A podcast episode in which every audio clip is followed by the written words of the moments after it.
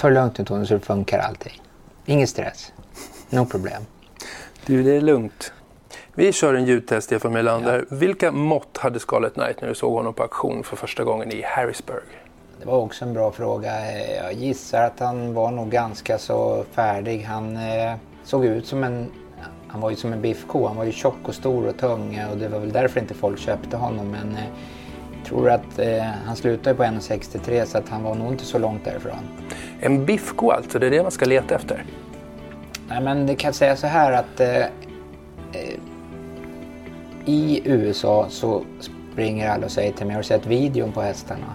Och då säger jag så här att eh, då skulle jag sett videon på Scarlett. Det var därför att ingen köpte honom. Jag är helt säker på det för videon var ingen bra på honom. Han var tung och stor och tog sig knappt framåt. Han, eh, han var som en biffko. Han var, han var tjock och, och, och, tung helt enkelt. Men däremot hans vinklar var ju fantastiska. Så att, eh, när videon eh, på hästarna, det har jag aldrig varit något intresserad utav. Ja, men ljudet låter bra så att vi kör. Alla mätare stämmer.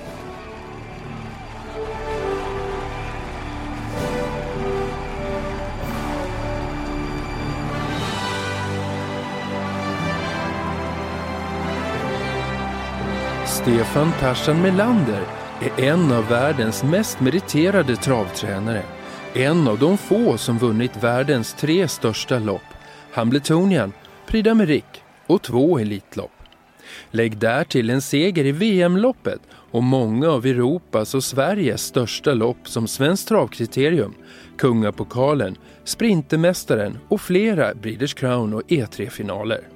Början av karriären inleddes som amatörtränare samtidigt som han drev sitt framgångsrika företag Fototarsan som hör till inventarierna i världens vinnarcirklar när det vankas storlopp. Träningsrörelsen utanför Enköping driver han tillsammans med sambon Katarina Lundström. Sedan 2014 är Stefan Tarsan Melander invald i Nordiska travmuseets Hall of Fame. Stefan Melander, är du nörd? Vad är det för något? En nörd? Vad är det? En nörd är någon som är väldigt intresserad av, av någonting. Man brukar säga att man nördar ner sig på någonting, just ett specifikt ämne. För jag tänker att du är så otroligt intresserad av trav till exempel och av foto. Det är det, de intrycken man får av dig när man träffar dig eller när man läser om dig. Ja, det var väl kanske helt rätt ord då, då eh, för eh, att ha ett intresse. Hästarna och fotograferingen, jag tycker det är någonting som hör ihop på något sätt. Eh, just den där känslan eh, att se hästarna i rörelse. Och det är säkert eh, min kamera och mina framgångar har berott mycket på, på bilderna. Jag tror det. Jag ser ju bilderna på ett helt annat sätt. liksom, det känns som att det går ihop. Egentligen borde det inte göra det, men det gör det. Det, det, det känns som att det är lika. Vad har du lärt dig eh, om hästarna då när du har tittat genom kameralinsen? Alltså det är så himla lång historia vad, vad jag egentligen har lärt mig. Jag lärde mig ju eh, den exteriöra biten. Det är, det är lite olika saker för det är ju en exteriör på en häst, eh, hur kroppen ska vara och sen nummer två är hur de rör sig. Men det går ju i varandra för att ha en häst, eh, i Nancios fall går jag in på lite speciella grejer. Men långa kotben till exempel. När jag ser en häst med långa kotben då kan jag garantera att en sådan häst rör sig sådär grymt alltså. Då, då får man, man får alltid bra bilder på en sån häst. Precis som Nancy, han är ju lätt fotograferad med det fantastiska steget han har.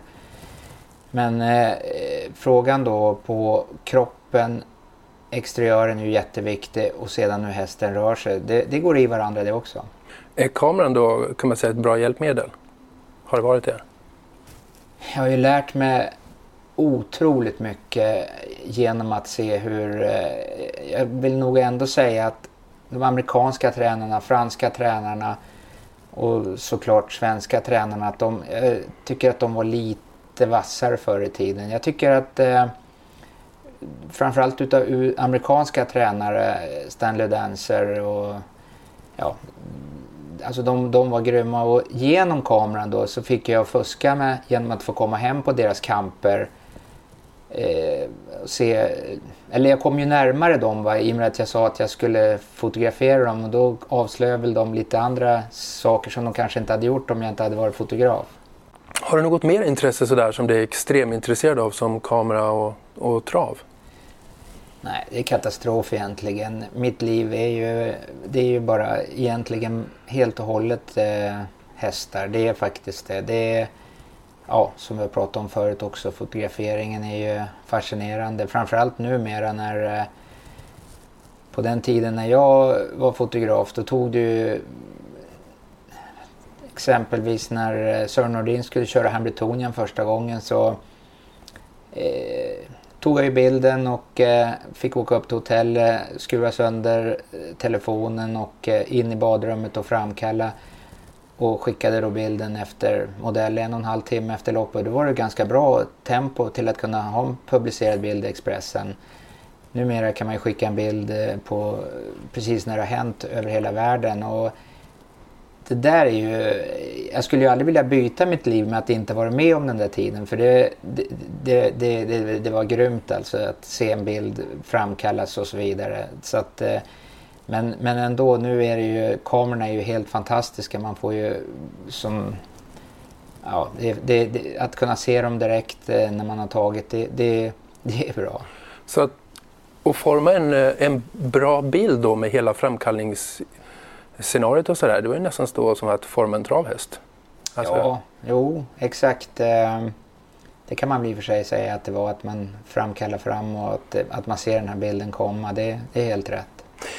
Jag trodde eh, att du skulle också svara att du är otroligt intresserad av traktorer. För mig så är det viktigaste hästarnas arbetsplats och eh, just skaderisken eh, är ju otroligt stor om, de, om man tränar hästarna på dåligt underlag. Jag lägger, eh, jag kan nog nästan säga, eh, jag har en kille som sköter banorna hemma men det krävs nästan två människors, om det har varit sådant väder som det har varit i år, så är det alltså en, ja, om en normal människa jobbar 40 så är det väl bergs 80 timmar. Alltså att, att det tar sån otrolig tid att preparera banorna och eh, du måste ju ha bra hästar annars så går det ju inte. För det kan ju, har en dålig häst spelar ingen roll. Men har du bra hästar så tror jag att de blir ändå vassare genom att presentera en fantastisk banunderlag. Och jag gör alltid det till mina hästar. Eh, det tar lång tid men det är värt det. Hur många traktorer har du? Jag har eh, Örjan Kihlström sa att jag har en till varje redskap och eh, ja, väl fyra då, då. Och hur många hästar? Ja, som det är nu så har vi väl 130 ungefär i träning.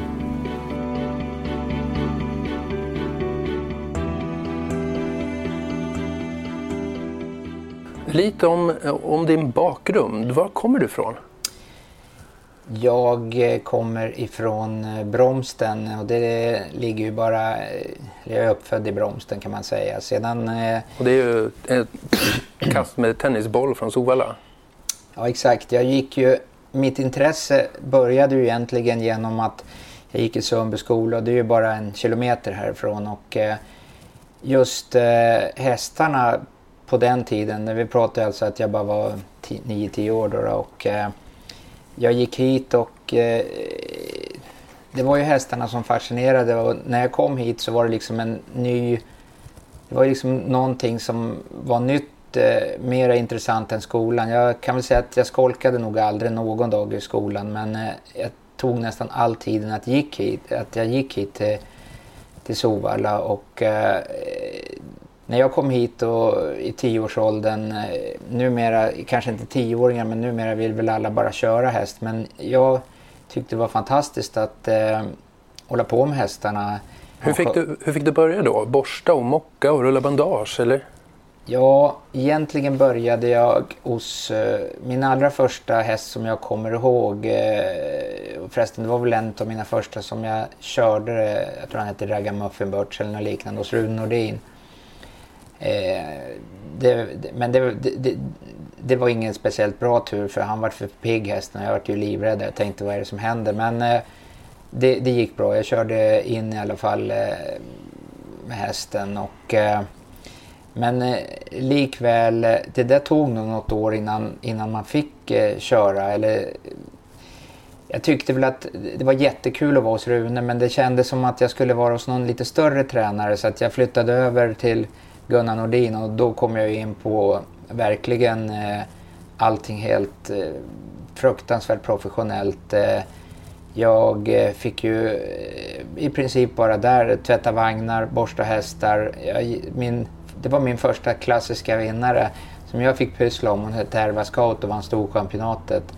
Jag kommer inte ihåg hur gammal jag var då men eh, i det stallet fick jag aldrig köra någon gång. Eh, jag, det var mer att få tvätta så när man kom in i selkammaren så luktade det ju eh, olja och allt var precis helt rent. Och Gunnar Nordins kontor på tävlingsdagarna det låg alltid en eh, vit eller en nytvättad eh, handduk längst upp eh, ovanför ja, alla hans eh, nyputsade skor och allting. Nej, men det var... Fick du putsa skorna någon gång? Eller ja, det fick jag. fick göra det? Absolut. Det, det, var ju så på den tiden att eh, det, det, det, skulle vara rent och snyggt och det är det som jag säger att det, det, är rent och snyggt nu också men det är ett helt annat upplägg. Selar och, och vagnar och allting skulle tvättas eh, samma dag. Och, ja, tiden, klockan måste ju ha gått långsammare då men okej, okay, varje skötare kanske bara hade fem, sex hästar. Nu har de ju i allmänhet flera och ja, det är väl mera stress med det mesta men eh, då gick ju klockan sakta. Men det var min första kontakt eh, mer eller mindre med hästarna. Hade ni någon hästkontakt i familjen då? Var det någon som var hästintresserad? Var så? Nej, absolut inte. Det fanns in, inga som helst intressen utav eh, hästar utan det var nog bara mera den vägen jag tog eh, hit ner till Sovalla då. Vad ville du bli då? Vad var din dröm? Ja, på den tiden så jag tycker nog att travsporten är ren nu men den hade inte sådär superbra rykte att vara hästdräng eller hålla på med hästar. Och min mamma och pappa ville nog mer att jag skulle göra någon, någonting annat. I skolan så hade jag ju ett otroligt intresse utav fotografering. Jag byggde kameror och ja, det, det, det, tyckte jag var, jag hade det som ett stort intresse och eh, jag hade väl det har väl ändå varit ända från mina första steg så vill jag försöka tjäna mina pengar själv och eh, jag hade väldigt många jobb på Sovalla. Jag gick ut med vojlockarna och före tävlingarna som egentligen inte var något jobb men då fick man lite så här tips och sådär. Det var ju bra, det som man kunde kanske spela på någon häst. Men sedan så började mitt jobb och det var med resultatlistorna att jag kutade runt med dem va, på, det var väl fyra, fem ställen och en av ställena var ner till Einar Andersson. Och då var det ju liksom som ett drömparadis att komma till, till eh, någonting annat än hästar va? och sen det, mitt stora intresse. Så att eh, då tog jag min amatörkamera som jag hade hemma som var helt eh, lallig egentligen. Som du nästan hade byggt själv då? Nej, nej men så dålig var den inte. Men eh, det här var ju en kamera i alla fall. Så jag fotade med den eh, ja, emellan loppen och så kutade jag som bara den ut med, med Voilockarna då, och, eller med resultatlistorna. Och eh, ja, Eina gillade nog mig ganska så mycket för att eh, hos Eina fick jag ju eh, fantastiska fotochanser just att eh, åka runt i princip i hela världen och fotografera. Så att honom har ju väldigt mycket att tacka för, eh, just med kanske mycket av det här som jag säger, att, att jag lärt mig mycket med hur hästar ska röra sig och träning och så vidare. Men sedan så var det ett väldigt stort intresse utav att vara eh, travkusk. Eh, och eh, jag var ju hos, ja när jag väl fick börja köra ordentligt i stor utsträckning så var det så Håkan Wallner och Bernt Lindstedt eh, som jag körde jag gjorde ett byte med när jag fotade varje tävlingsdag så fick jag vara ledig på förmiddagarna då på måndagar och ibland torsdagar också. Så jag var ju med dem och körde och fick ju lära mig otroligt mycket. Jag tycker att de två, eh, ja, i, i, mitt lär, lär, läromästare när det gällde att träna upp hästar, att jag fick lära mig jättemycket. Och framförallt eh, heatkörning och lugnet och trots att hästarna tränade mycket. Men, men jag fick vara med i ja, många år att köra. Men jag fick ju nästan aldrig köra något lopp. Eh, Lindstedt, alltså, du, du ska få köra, men du får vänta. Jag vet inte om han tyckte att jag var en lallare eller inte. Det är svårt att säga. Men till slut fick jag chansen till att köra och jag tror det var ett sto som hette Barbara Birch jag körde och förlorade på målfot och var nära att vinna.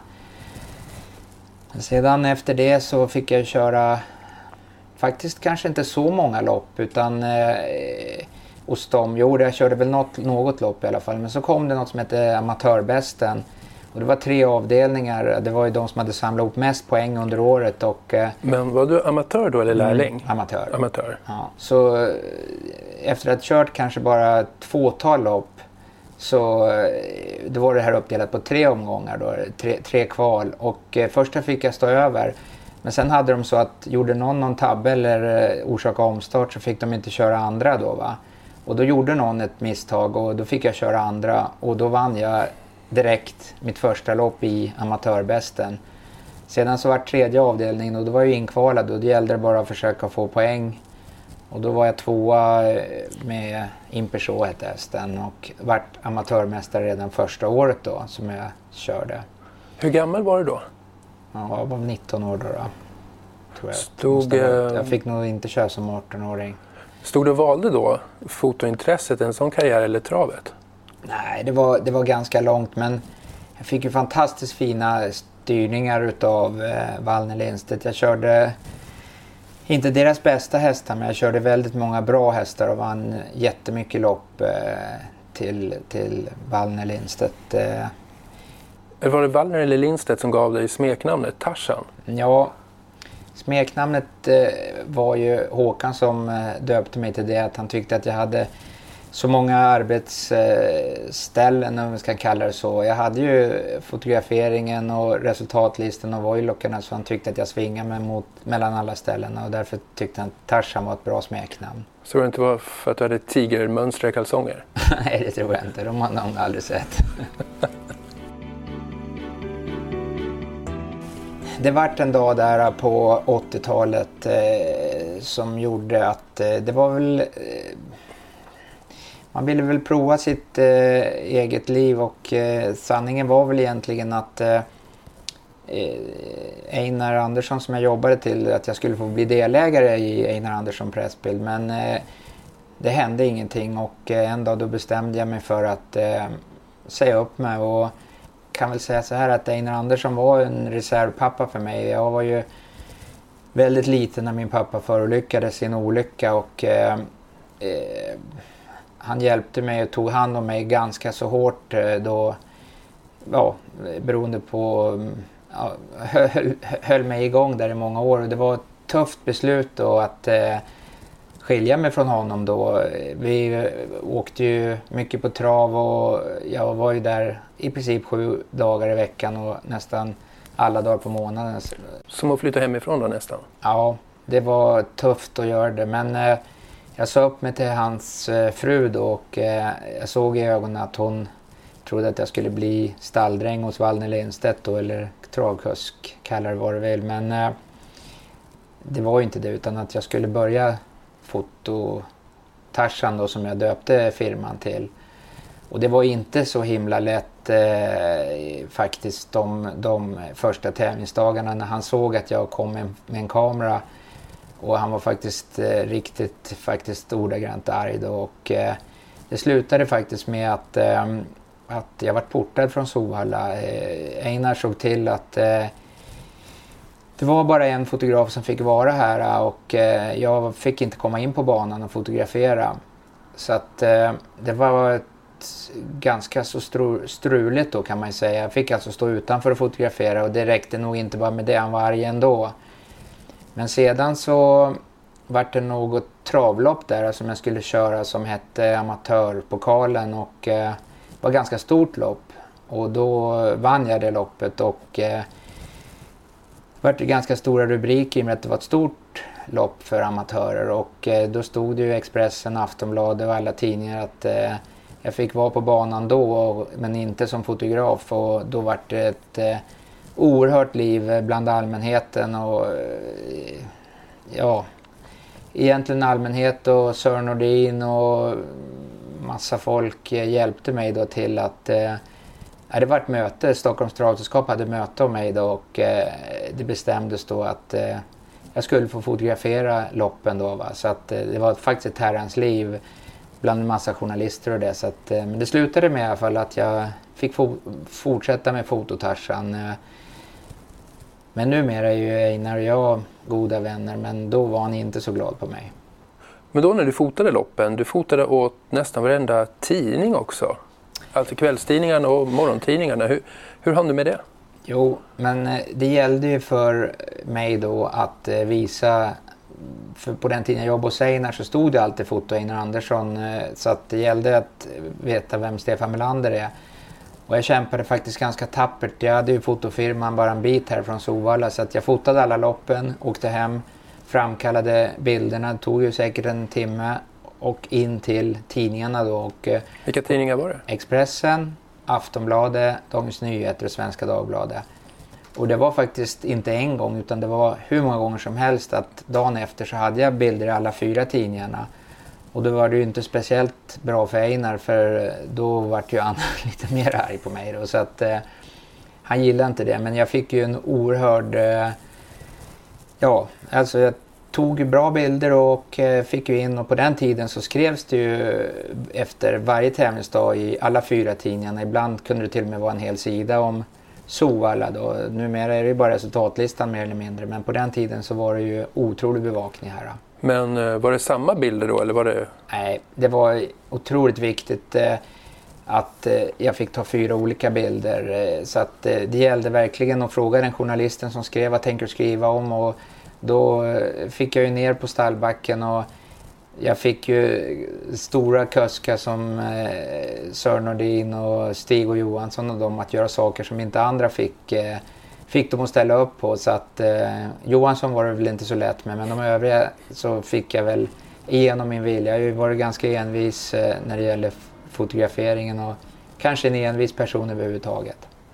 Saknar du den eh, vad ska man säga, differentierade eh, travjournalistiken idag, eller bevakningen? Att det är mindre likriktigt? Jo, men det är väl därför det ser ut som det gör tyvärr i, i travet. Och framförallt så jag vart erbjuden eh, utav Remi Nilsson att vara kanal 75 eh, men då sa jag vad jag tyckte att det är nog bra med konkurrens eh, så att det är nog bra att Fototarsan är konkurrent emot kanal 75 eh, och Kanal jag tror 75. nog att jag fick rätt. Eh, i, där jag bor i Enköping, när vi flyttade dit eh, till Enköping så var det en sida varje torsdag om eh, alla hästkillar. Numera kan vinna eh, World Cup eh, och det står inte ens i resultatlistan i Enköpingsposten. Så att eh, det är andra tider nu och det är väl mycket det är väl inte så bra att det har blivit den här utvecklingen. Jag ska bara säga det att Kanal 75 är ett travsportens eget mediebolag då, för de som lyssnar och kanske inte vet, mm. vet eh, vilka det är. Hur, hur annorlunda hade det sett ut då om du hade varit kanal 75 idag? Om jag hade varit kanal 75 så är det väl eh, säkert att det hade sett ut likadant för det var ju det jag var emot att skicka ut eh, 150 bilder som var gratis att publicera och då var det ju att det var gratis att publicera bilderna i alla tidningarna och journalisterna var permitterade och det var väl det som jag tyckte var idiotiskt. Numera är det desto värre så va? att eh, det finns ju inte så många som skriver travsport och då får inte ni läsa någonting i tidningarna. Så att eh, det är ett stort, stort minus. Du är själv krönikör i en av kvällstidningarna, Expressen. Vad, mm. vad vill du driva för fråga där? Ja, är, hur, hur försöker du vara? Ja, tyvärr så eh, tycker jag väl och skriver vad jag tycker och eh, då blir de väl lite sura.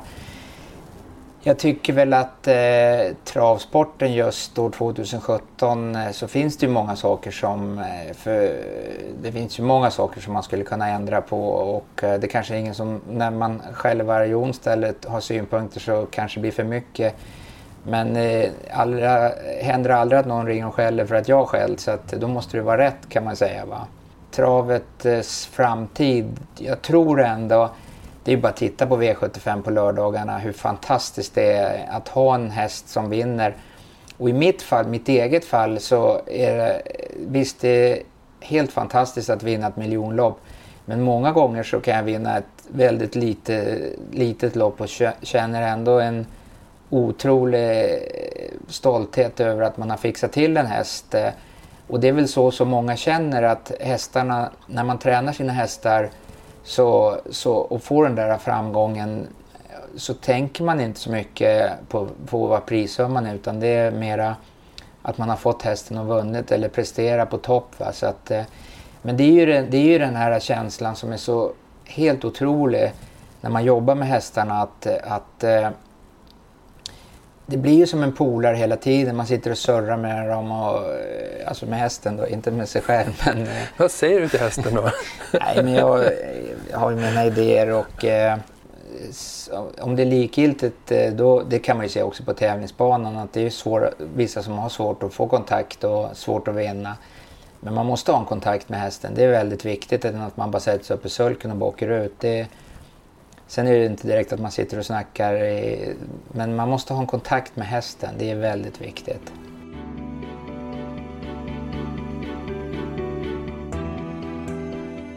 Om vi pratar kontakt med hästen, du var amatörtränare först, visst Mr Basket? Ja, Mr Basket eh, var en häst som eh, var helt utdömd eh, veterinärmässigt. Och det har ju lärt mig väldigt mycket just eh, hur svårt det är att vara veterinär och säga att den här hästen lider av det och det och det och det. Det är bättre att eh, försöka övervinna jag har ju mina idéer när det gäller att eh, åtgärda hästar. Jag har ju väldigt svårt för att, för att spruta koter och spruta knän och spruta överhuvudtaget. Alltså gå in i lederna med olika preparat? Jag gillar inte det. Jag verkligen hatar det. Det är emot eh, allt. Tyvärr många gånger så kan det hända att hästarna är som man säger dåligt uppfödda och kanske att de behöver hjälp. Men jag tycker att det är ett varningsskott att gå in i en hästled och spruta hästen. Och jag fick faktiskt eh, väldigt stort beröm av professor Arne Lindholm. Eh, tyvärr är han borta nu men han, eh, vi hade mycket surr om den här biten med att spruta leder och han, eh, han höll med mig eh, att han hade nog varit i för många leder. Så att, eh, men det är ju vad jag tycker i alla fall att, att eh, har man en gång öppnat och varit inne så måste man fortsätta och det är ett stort problem. Är det då att istället för att gå den vägen att man ger hästen en viloperiod eller hur? Ja, du måste ju såklart göra någonting, men, eller någonting. Eh, det, det, gör man, men vila är ju absolut det bästa. Men eh, det är klart, eh, USA har ju svårt och i Sverige kanske vi har kriteriet och du måste ha hästen på topp till just den dagen. Men eh, jag tycker ändå att där har, man också, där har jag också sett genom min kamera. Jag har varit mycket ute på camper och, och sett eh, tränare med stora framgångar att eh, de, de det, det kanske inte är rätt ord men man kan träna bort hälter också genom att eh, träna på ett annat sätt eh, så att det inte sliter så hårt på dem. Och som jag sagt hela tiden, framförallt underlaget eh, är ju oerhört viktigt. Vid den tiden så blev du också en av de första svenskarna att vinna lopp av Vincennes. Hur kom det sig? Ja... Eh, Då snackar vi alltså 80-talet? Absolut. Eh, Ulf Norin ringde till mig och frågade om jag ville köra ett amatörlopp på Vincennes och eh, jag sa att eh, jag går dit, eh, jag kommer direkt. Eh, det var ju en otroligt stor upplevelse att få köra och det var alltså gamla banan. Det var, då var det backe, det var mycket värre alltså, backe. Backen var dubbelt så hög. Ja det var den faktiskt. Och brant höll jag på att säga. Och jag eh, körde en häst som hette Johnny Star och eh, det började väl som i många amatörlopp, det började med modell 4-5 omstarter. Och vi körde fram och tillbaks och eh, någon tredje starten åkte urryckarna ur. Och jag tänkte nu går det åt skogen alltså. Det, han vart ju het eh, och laddad hästen. Vart ny omstart. Och då var det Jack eh, som sprang, han jobbade, Jack Bettvart jobbade. Så sa du måste få i bomullen. Nej det spelar ingen roll, så han. är redan kall, så han. Så det är lugnt. Ja men herregud, vi ska ju springa, var väl modell eh, 3300 meter eller något sånt där loppet. Han måste ju få i det där. Ja, det spelar ingen roll, så han. är trött. Med en nivåskillnad på nästan 20 meter. Ja, precis. Starten gick och jag tänkte att nu gäller det bara att köra invändigt. Och det var väl modell 20 hästar med i loppet eh, och vi körde ju ett varv där och han pullade ju som bara den. Och första nedförsbacken då så tänkte jag det går ju åt skogen. Han, eh, de for runt omkring och slog redan då konkurrenterna. Men sen tänkte jag när det var modell 500 kvar att eh, han är ju liksom, det var ju bara kul att få vara med i det här loppet och så tänkte jag att jag kör väl invändigt. Så jag körde det nästan invändigt om allihopa i sista sväng. Alla bara drog i högertömmen och jag drog i vänstertömmen. Och sen bara löste det sig så att eh, jag vann väldigt säkert där. Jag vann väl med 10 meter och gjorde min först, första segergest där. Eh. Ja, det var ganska kul för att eh, jag, vi var där också med min kamera, kille som jobbar på Lektyr som heter Sten Sundberg. Och, eh, jag sa till honom, nu laddar vi med bilder. Och, men kom ihåg en sak, ta bild när vi passerar första varvet. Det är bara kul att ha som minne. Sen när jag kom hem eh, efter en vecka då så framkallade jag, fanns inte en målbild. Då sa jag, kan ju inte ta, tagit slut på alla bilder. Men du sa att jag skulle ta bilder när det var ett varv kvar. Så han tog 36 bilder det var ett varv kvar och fick ingen målbild. Så att, eh, men det var väl en barnfotograf som hade en bild i alla fall från målet. Men det var, det var före Stig H. Jag vann lopp på Vincennes före Stig H Johansson så att eh, det var en bra merit. Det var synd att han inte tog den där målbilden för då hade han kanske hamnat i lektyr. Ja precis, ja exakt. Du har också haft lärlingslicens hos eh, din sambo Katarina Lundström när hon var tränare och vann bland annat VM-loppet med His Majesty som lärling. Mm. Du blev inte proffs förrän 1996. Varför då? Ja, det var ju speciella regler på den tiden. Numera eh, ja, så kommer väl svaret att eh, först sökte jag licens första året och var ärlig att sa att eh, jag kommer jobba med hästarna på hela dagarna men på kvällarna kanske jag åker till Eskilstuna eller Gävle och fotograferar.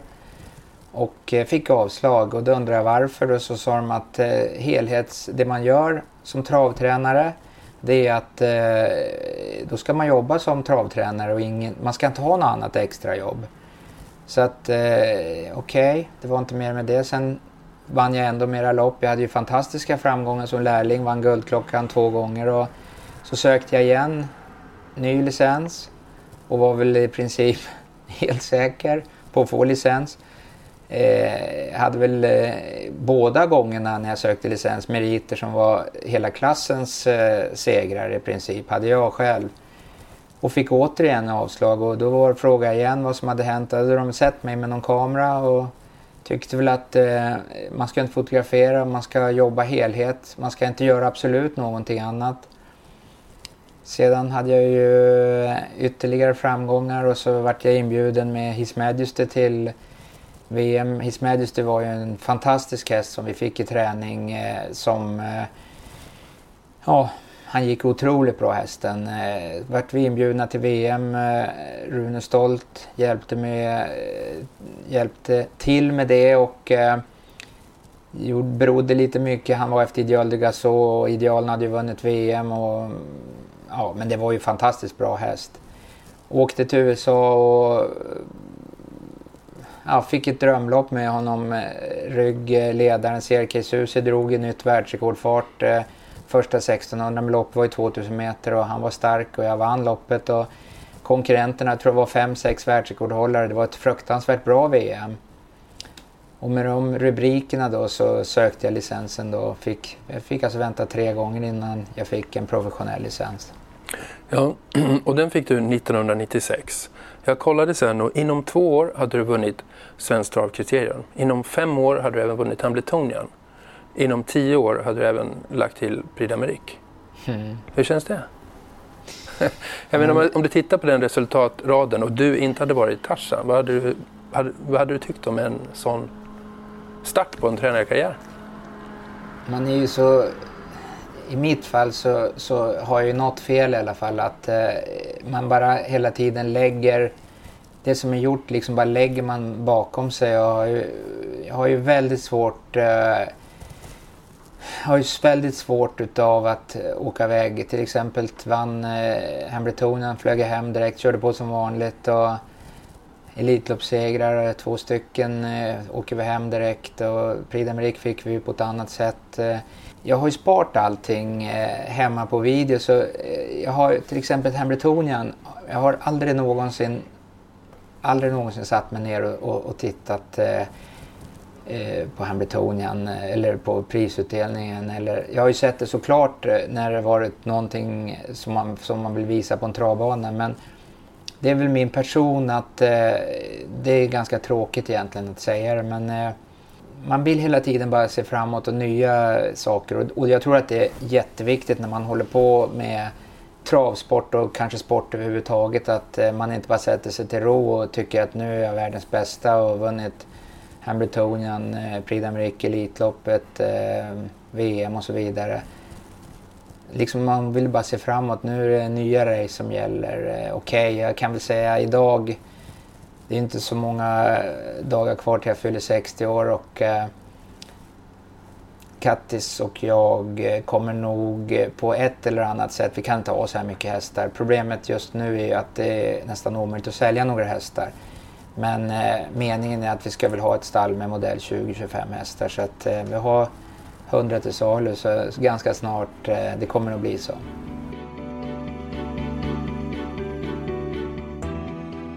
Om vi ska nämna några personer.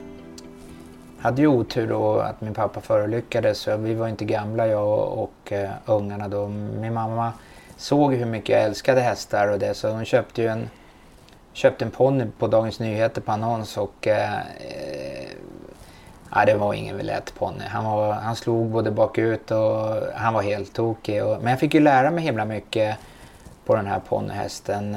Sedan... Ja, mamma har ju såklart, det har ju alla mammor, betytt väldigt mycket eh, för mig. Och hon träffade då Lövista, Lövis, Ingmar Löfberg och han eh, förstod ingenting om hästar men eh, han hade det som man behöver också när man är... Han hade lite tur med hästarna. Så han, eh, vi köpte hästar tillsammans, Lövis och jag. Och han fick ju fantastiska framgångar tillsammans eh, med i princip alla hästar. Och jag har ju såklart väldigt mycket att, att, att tacka Lövis och, och morsan för alla våra framgångar. Eh, eh en som har betytt väldigt mycket är ju Sven Lindblom. Eh, vi har ju kampat ihop i...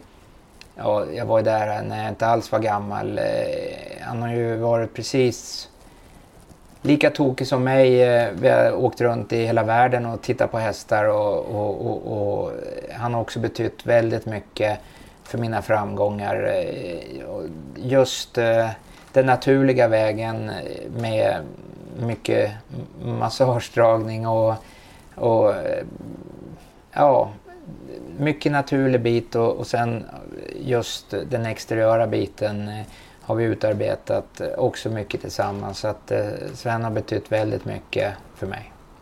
Din sambo, vad betyder hon för din rörelse och vad har hon betytt för din karriär? Katarina betyder egentligen allting. Jag, om jag får sätta allting som nummer ett, eh, om tar bort, eh, får välja allting så är hon nummer ett med precis allting. Därför att eh, jag tror att eh, ingen annan kvinna hade kunnat stå ut med en som heter Stefan Melander som eh, är så tokig som jag är.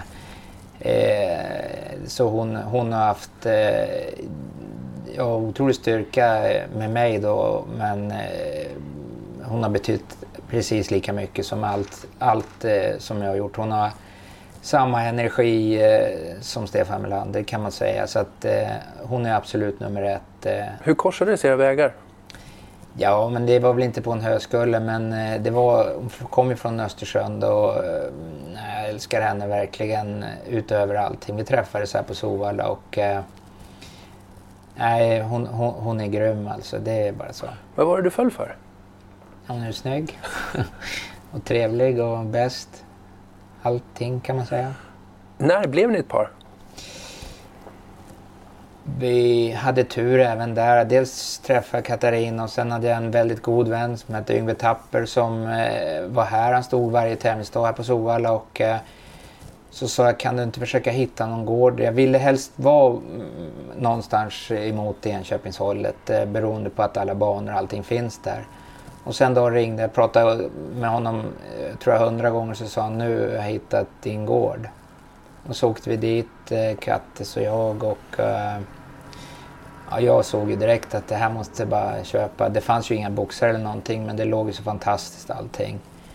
Det var väl lite eh, mummel från min mamma och sådär och tyckte väl inte det och hit och dit men eh, jag är envis. Jag körde vidare och eh, vi hittade det här fantastiska stället som eh, från fyra ponnyboxar upp till alla dessa hästar nu då. Så att, eh, ja, det var ju tur att kunna hitta, kunna bygga upp eh, en, precis exakt som man vill ha det själv med alla banor och backar och rakbanor och tunga banor och lätta banor och så vidare. Va? Så att, eh, det är en fantastisk anläggning för, för travhästar.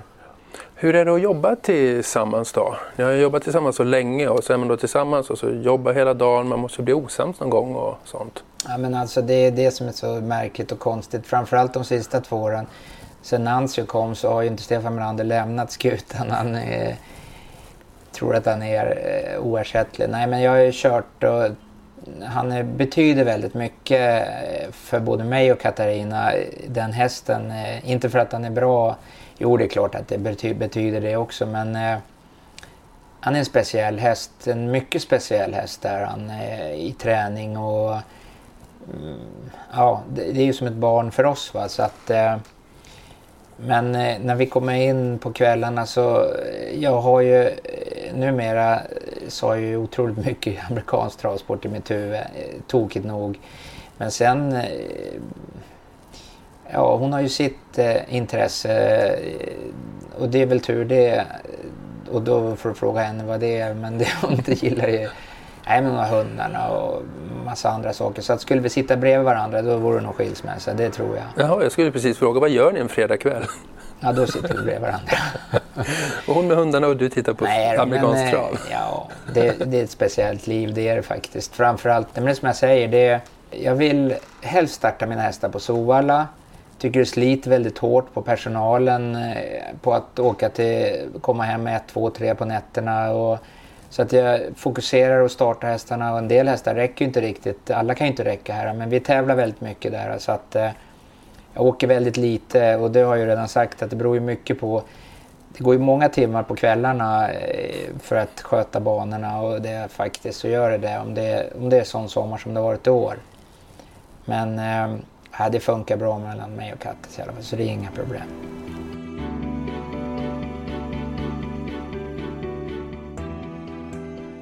Sören Nordin skulle fyllt 100 år igår. Vad skulle du ha köpt till honom i 100-årspresent? Ja, det var ju också en bra fråga. Det måste jag fundera på. Vad skulle ja, det vara? tänka lite. Hur var han? Jag förstår att han betytt ganska mycket. Sören Nordin eh, i Sverige var ju, eh, jag var ju bara egentligen en liten kille där och tittade ju på hans träning och var i stallet och, och, såg det mesta. Men när han flyttade till USA så kom ju kameran faktiskt in mycket i bilden så var var väldigt intresserad av kameror och fotografering. Och eh, jag tillbringade många vintrar med honom. Eh, vi framkallade bilderna och tittade på rörelserna och han lika tokigt intresse som som mig då. Eh, på, alltså hästar var ju han överlägsen på men, men på fotografering, jag tror inte han var så intresserad.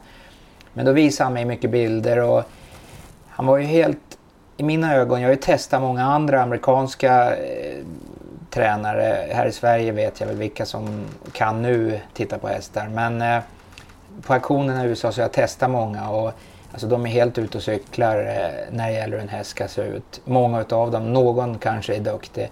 Men det Sören eh, kom fram till genom att titta på bilder, se bra hästar. Han, han, eh, han var ju, eh, alltså i mina ögon så är han den värsta genom tiden när det gäller Alltså ta ut en häst, träna en häst, hitta skador på en häst. Han var grym helt enkelt. Men i alla fall, han lärde mig hur en häst skulle se ut. Han tecknade, ritade och förklarade. Han, eh, faktiskt att jag aldrig deltog i träning men jag såg ju alla hans jobb som han tränade och han ritade och visade hur viktigt det var och, ja, att träna en häst på rätt sätt. Och eh, förebyggande att kolla, checka hästarna efter eh, träning Alltså han var ju grym.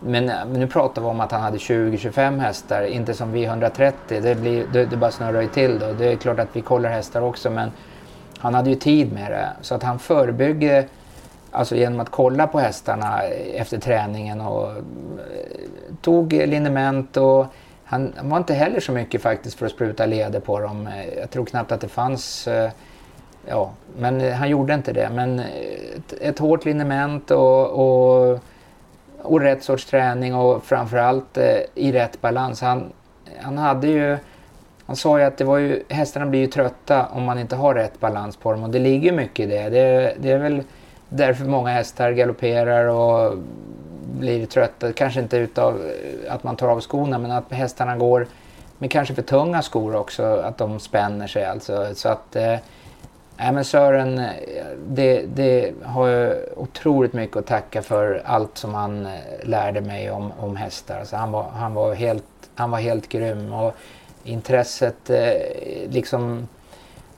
Han skulle, jag skulle alltid springa ner och, när han var i Italien eller USA att kolla hästarna som hade vunnit kriteriet eller derbyt eller Elitloppet och skulle mäta dem och ta bild på dem så skulle vi titta på dem tillsammans då varför de och de hästarna springer. Så att, eh... Hur såg er relation ut där, eh, så att, när Sören hade gått i pension då och flyttat hem till Sverige? Det finns ingen annan som har ett sådant intresse. Han vart ju aldrig mätt någon gång över att, eh, att man skulle kolla med hur, hur uppfödningen gått till, hur träningen gått till. Och, men eh, det du började med att säga det var ju exakt samma ord som Sören hade, som jag har också. Han, han kunde, vi kunde ju aldrig snacka någonting annat egentligen än, än om hästar. Han, Två nördar? Ja, kan man säga. Lugnt. Du eh, åkte till USA och vann Hambletonian med Scarlet Knight. Vad kommer du ihåg ifrån den dagen? Jag kommer väl ihåg eh, med USA eftersom jag hade sett Hemletonian så många år innan eh, så det enda jag bara hade hur huvudet, det får inte hända någon jävla flopp här. Det, det, det, får inte bli någon strul alltså. Så när jag åkte ut i försöket eh, till Hemletonian, det var väl för det första förstår jag inte riktigt hur det gick till att jag körde själv. Jag har jättemånga gånger tänkt eh, just på den biten. Vet, idag vet jag inte om jag skulle vågat.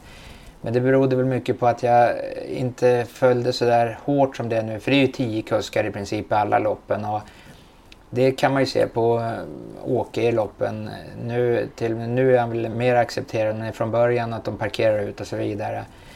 Men eh, det var inte så himla lätt eh, som en som aldrig någon har hört talas om sätts och kör en häst. Eh, det var ju väldigt dyrbart och kostar ju mycket pengar det, att, att, att ta sig liksom dit. Och just den biten var ju tuff. Eh, men eh, Lindstedt eh, puffade ju på med väldigt mycket att, jag sa du det är bättre du kör, men de hade ju egna hästar så han kunde ju inte köra. Så att när jag åkte ut till försöket så, så då var jag bra trampig. Men jag vann ju så otroligt åkandes enkelt det där försöket.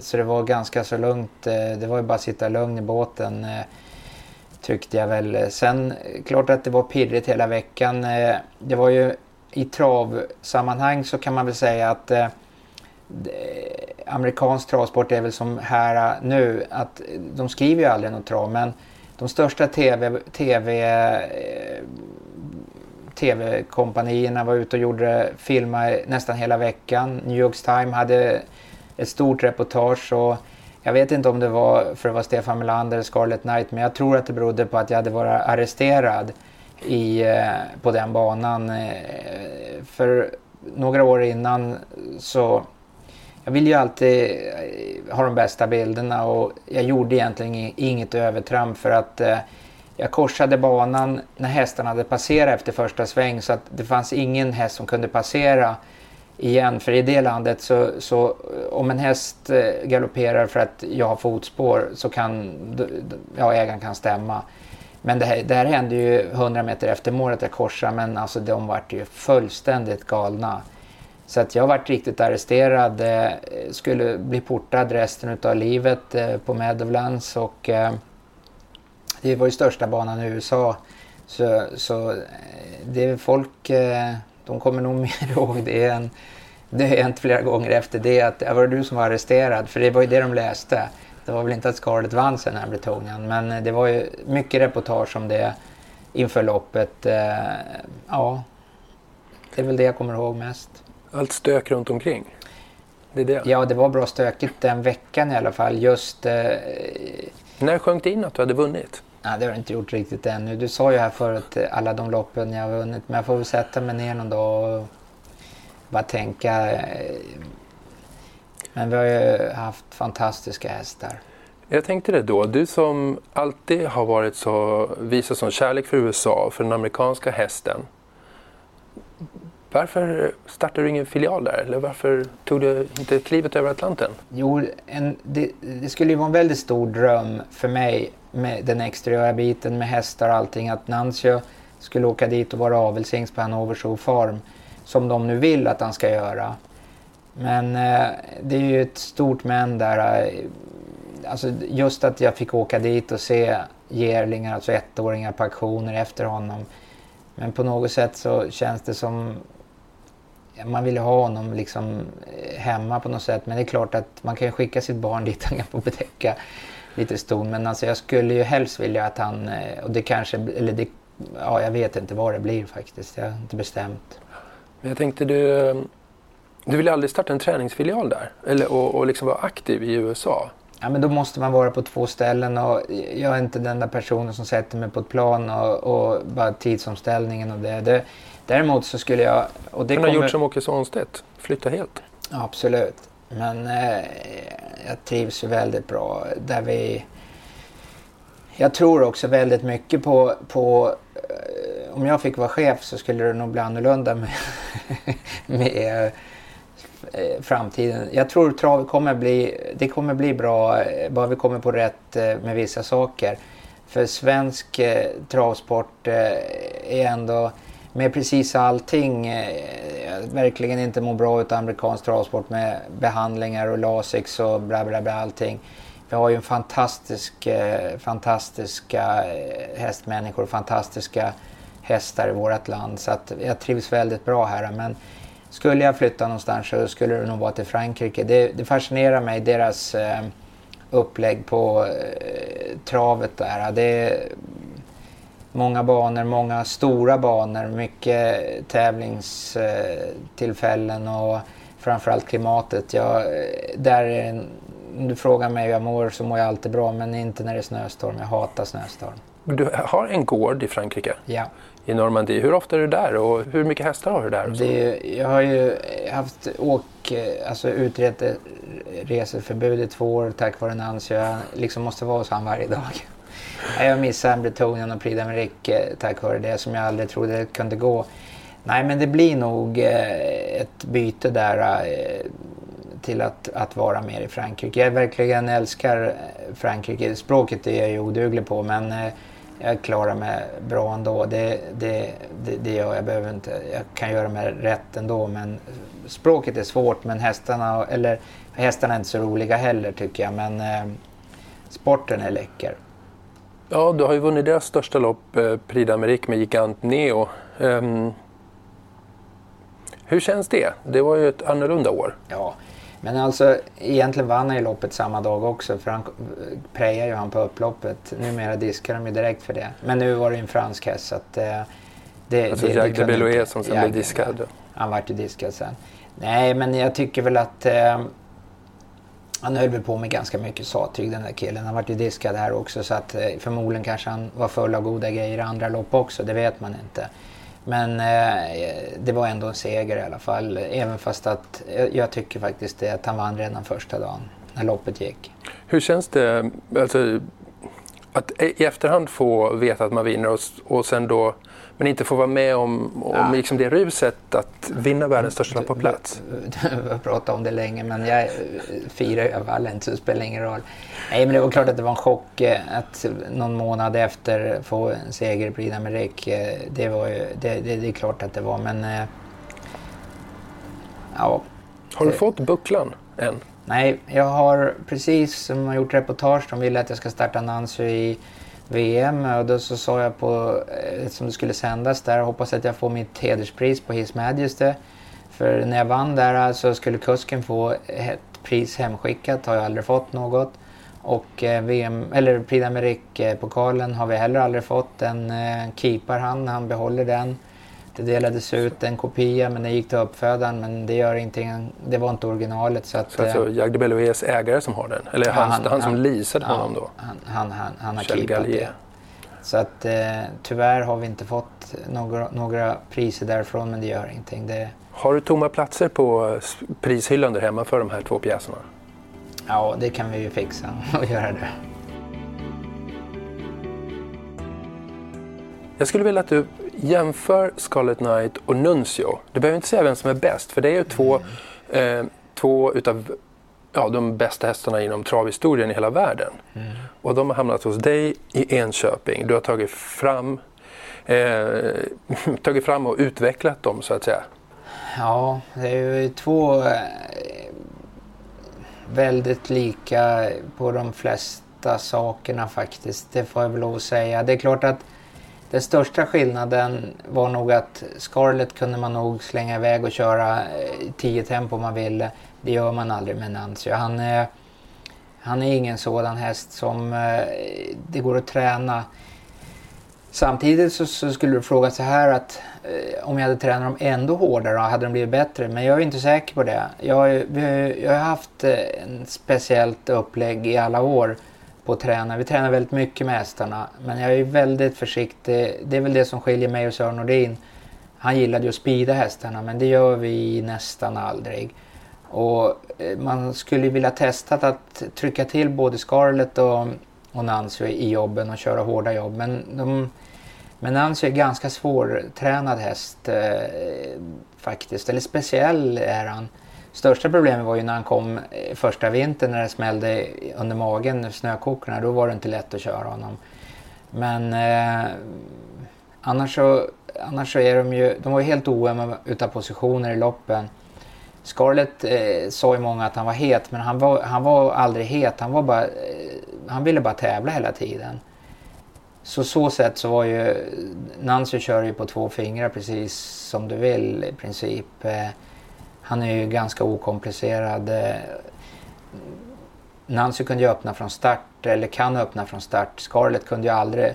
Hade Scarlett varit född i USA, då hade han ju varit ändå bättre där. För där gick ju bilen så fort. Man fick ju alltid ta upp Scarlett efter 50 meter. Det, det, var ju den största, det sa jag aldrig, men den största känslan var att köra bakom en startbil i USA.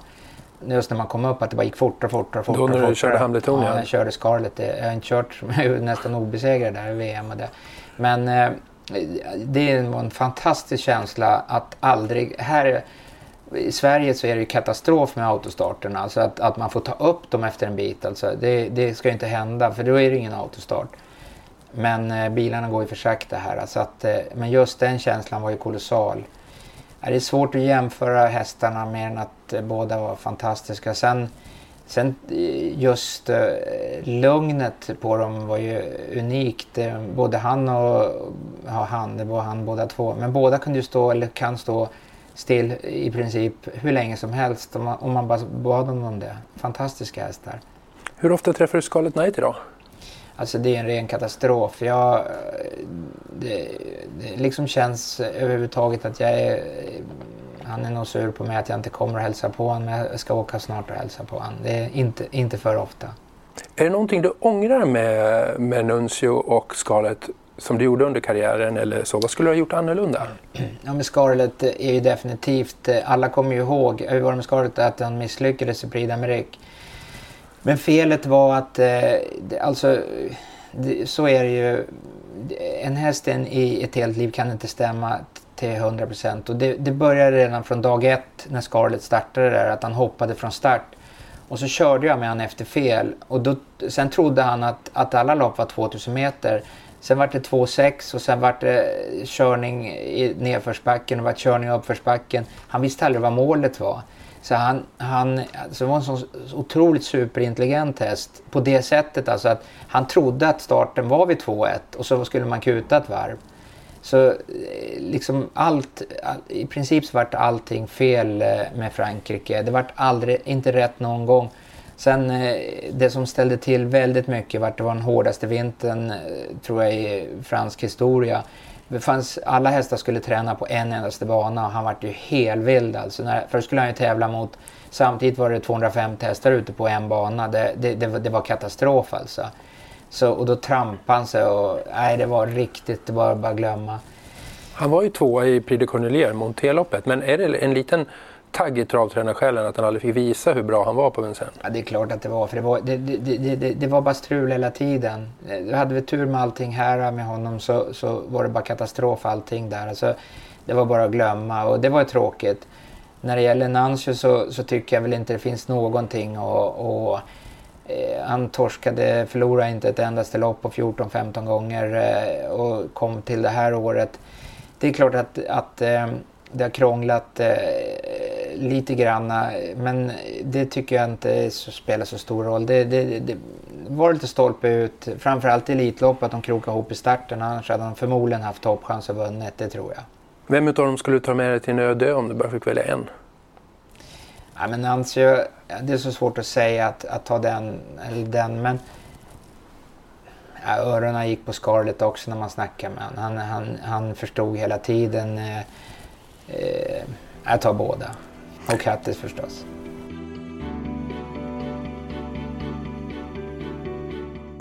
Du är ju en, vad ska man säga, en helt self-made man från början. Eh, varför valde du den vägen? Du har ägt hästarna själv, du har tränat själv. Du det är din egen lilla värld. Min allra första häst hette Suspicion och den leasade jag. Min andra häst eh, Capello och leasade jag också. Båda hästarna gick med vinst och för de vinstpengarna så började jag ju då min tokiga karusell till att köpa hästar och eh, steget till att försöka hitta världens bästa häst vart i USA, köpte Superfoto Cosmos och för de pengarna så bara, bara rullar det på hela tiden. Man kan väl säga så här att eh, Kai Widell sa när han var på topp som tränare att varje gång telefonen ringde så var man rädd att de skulle flytta hästarna. Och det är väl eh, vi fick ju en bränning på East Magister som det var ju väldigt tråkigt. Man la bara liv och tid och eh, allt på honom då. Och så helt plötsligt stod han inte där. Och där kan man ju se hur tufft det är att vara travtränare. Bara på ett telefonsamtal så är hästen flyttad till en annan tränare. Och det där har liksom, jag har tänkt hela tiden så här att måtte liksom slippa eh, jobba. Alltså att träna en häst om man tar den andra saken att framkalla en film. Liksom, eh, det, det, det, det kan man göra på, nu på en hundradel sekund och, och, bara skicka över hela världen. Men träna en häst är så otroligt mycket jobb alltså. Som man bara lägger, lägger, lägger, lägger. Och så länge, så jag har haft sån otrolig tur alltså att jag kunnat ägt dem själv och kunnat gjort som jag velat med hästarna själv. Jag har väl haft några delägare såklart men eh, de brukar vara snälla eller har varit snälla. Hur mycket har du investera tillbaka i sporten? Egentligen allting. Eh, jag har faktiskt inga pengar egentligen på banken. Men jag gör otroligt mycket. Eh, jag tror och hoppas och med Anki Lasse som avelshingst nu, kombinationen mycket på Scarlett och Superfoto och framförallt har jag investerat jättefina ston. Och jag tror att Anki Lasse blir, eh, ja får inte jag säga men jag säger det ändå, att jag tror att han blir den värsta hingsten. Han, Örjan sa när han körde att det är den värsta hästen tekniskt sett som han har kört och kapaciteten den har ju alla sett. Och stammässigt så är det det värsta som har funnits. Alltså jag skulle bli... Och exteriören, alltså han har precis allting som en drömhäst ska ha. Ju gjort kanske mitt livs tavla som inte tävlade vidare med honom. Men han har varit fulltecknad som avelshingst så att eh, jag tycker att det känns fel om det skulle bli något strul. Men jag tror aldrig att det hade blivit det. Han hade kunnat varit en värstingvinnare som Elitlopp eller Prix. Vad får jag för pris om jag bokar en plats? Nej, det ska vi inte säga. Men eh, hur många, hur många avelston har du? Ja, det är hemskt. 108 tror jag. 108? Mm. Det är nästan som Enhammar. Ja, i år har vi det, men det måste säljas. Det är bara så. Hur många avelshingstar har du? Det. Ja, det, är så, det är de tre. Men eh, det gäller ju allt på enkelläsning nu. Och Nancy förstås när han kommer. Har du tvekat en gång? Det måste ha känt tufft, känts nej. tufft. Och... Nej, men jag har haft sån otrolig tur. Eh, jag har gjort så många av mina kollegor. Man har varit på nio nedslagen. Men kunnat resa sig. Eh, men alltså det, det, det, det är tufft. Alltså för tillfället så är det jättetufft. Eh, men, men det kommer aktioner i USA, det kommer aktioner i Frankrike och det kommer aktioner. Men alltså jag har köpförbud, det går inte. Men alltså det är min dröm egentligen att inte ha några födelseton. Men nu sa jag lite fel egentligen. Det är, det är kul att ha födelseton. Men eh, det, det, det, det är roligast att köpa hästar men kan inte köpa när jag har så många hästar som jag har. Du har ju då levt ett helt liv med, med fokus på hästar, med, på jobbet. Och vad känner du att du har offrat? Nej, men jag kan säga så också här att jag fick en riktig tankeställare när min goda vän Tommy han dog. Va? Det, det, han sa till mig liksom den här saken att eh, fan att jag inte hade gjort det och det och det och det tänker jag jättemånga gånger på. Det är som man får tårar i ögonen på det faktiskt, det tycker jag. Man håller på bara med hästar, hästar, hästar. Och det, han var ju likadan, han bara kämpade ju. Många travtränare har ju, har ju barn som har tagit barn. över rörelsen och så. Jag har inga barn. Varför inte då? Nej, men det jag har inte hunnit med. jo, jag har hunnit med än vad jag gjort. Men, ja, ja. Är, det, är det ett val eller har det bara blivit så? Nej, det är bara så. I år då, 2017 när vi spelar in det här, så fyller du 60. Mm. Eh, vi har ju varit och berört ämnet lite, men eh, framtiden, hur länge, hur länge håller du på på den här nivån? Ja, alltså det får man ju säga som allt. Man hoppas ju verkligen att man får vara frisk eh, och bara allting runt omkring och alla människor och allting. Men jag kan säga i ärlighetens namn att eh, någonting måste göras absolut med alla starthästar. Vi kommer göra ett kraftigt drag eh, framledes att inte ha så mycket hästar. Unghästar kan vi ha vidare. De sköter sig i allmänhet själv och inte lika mycket jobb. Men eh, på något sätt så måste man göra en brytning. Eh, måste i alla fall vara kul att eh, kunna göra någonting annat eh, faktiskt. Som att sätta dig ner och titta igenom nej, loppen från de stora nej, segrarna som du hade sparat? Exakt. Nej men det är ju skandal. Det, alltså jag har ju precis full kontroll på allting men eh, det är ju helt riktigt. Det skulle vara kul att sätta... Jag tänker ju många gånger på...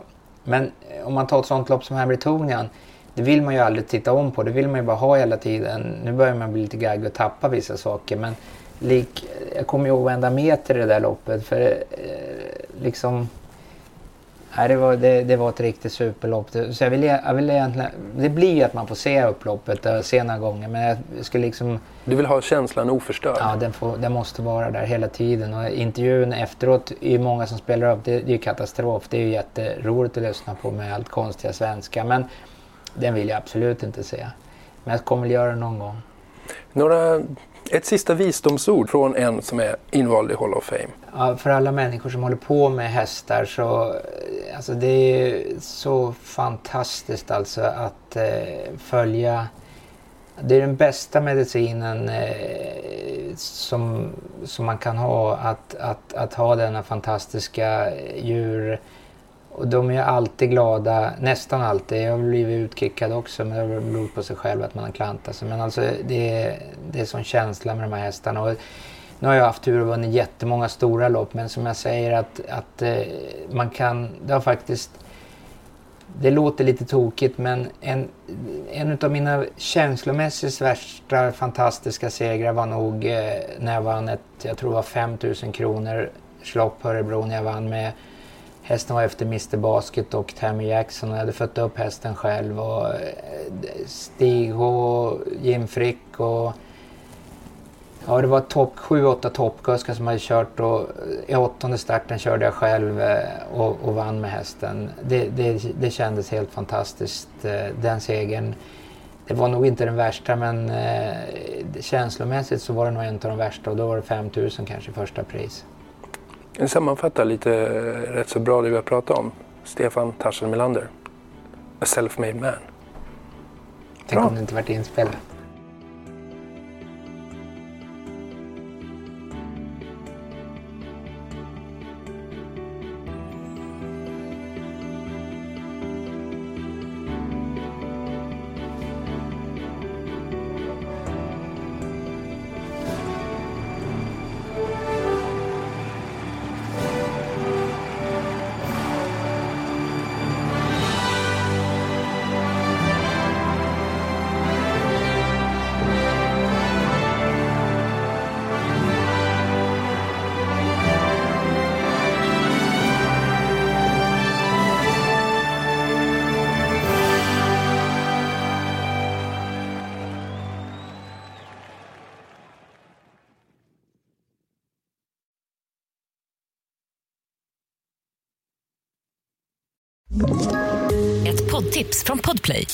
Podden Något Kaiko garanterar östgötarna Brutti och jag, Davva, dig en stor dos skratt. Där följer jag pladask för köttätandet igen. Man är lite som en jävla vampyr. Man har fått lite blodsmak och då måste man ha mer. Udda spaningar, fängslande anekdoter och en och annan arg rant. Jag måste ha mitt kaffe på morgonen för annars är jag ingen trevlig människa. Då är du ingen trevlig människa, punkt. Något Kaiko, hör du på Podplay. Därför arkadeinerna.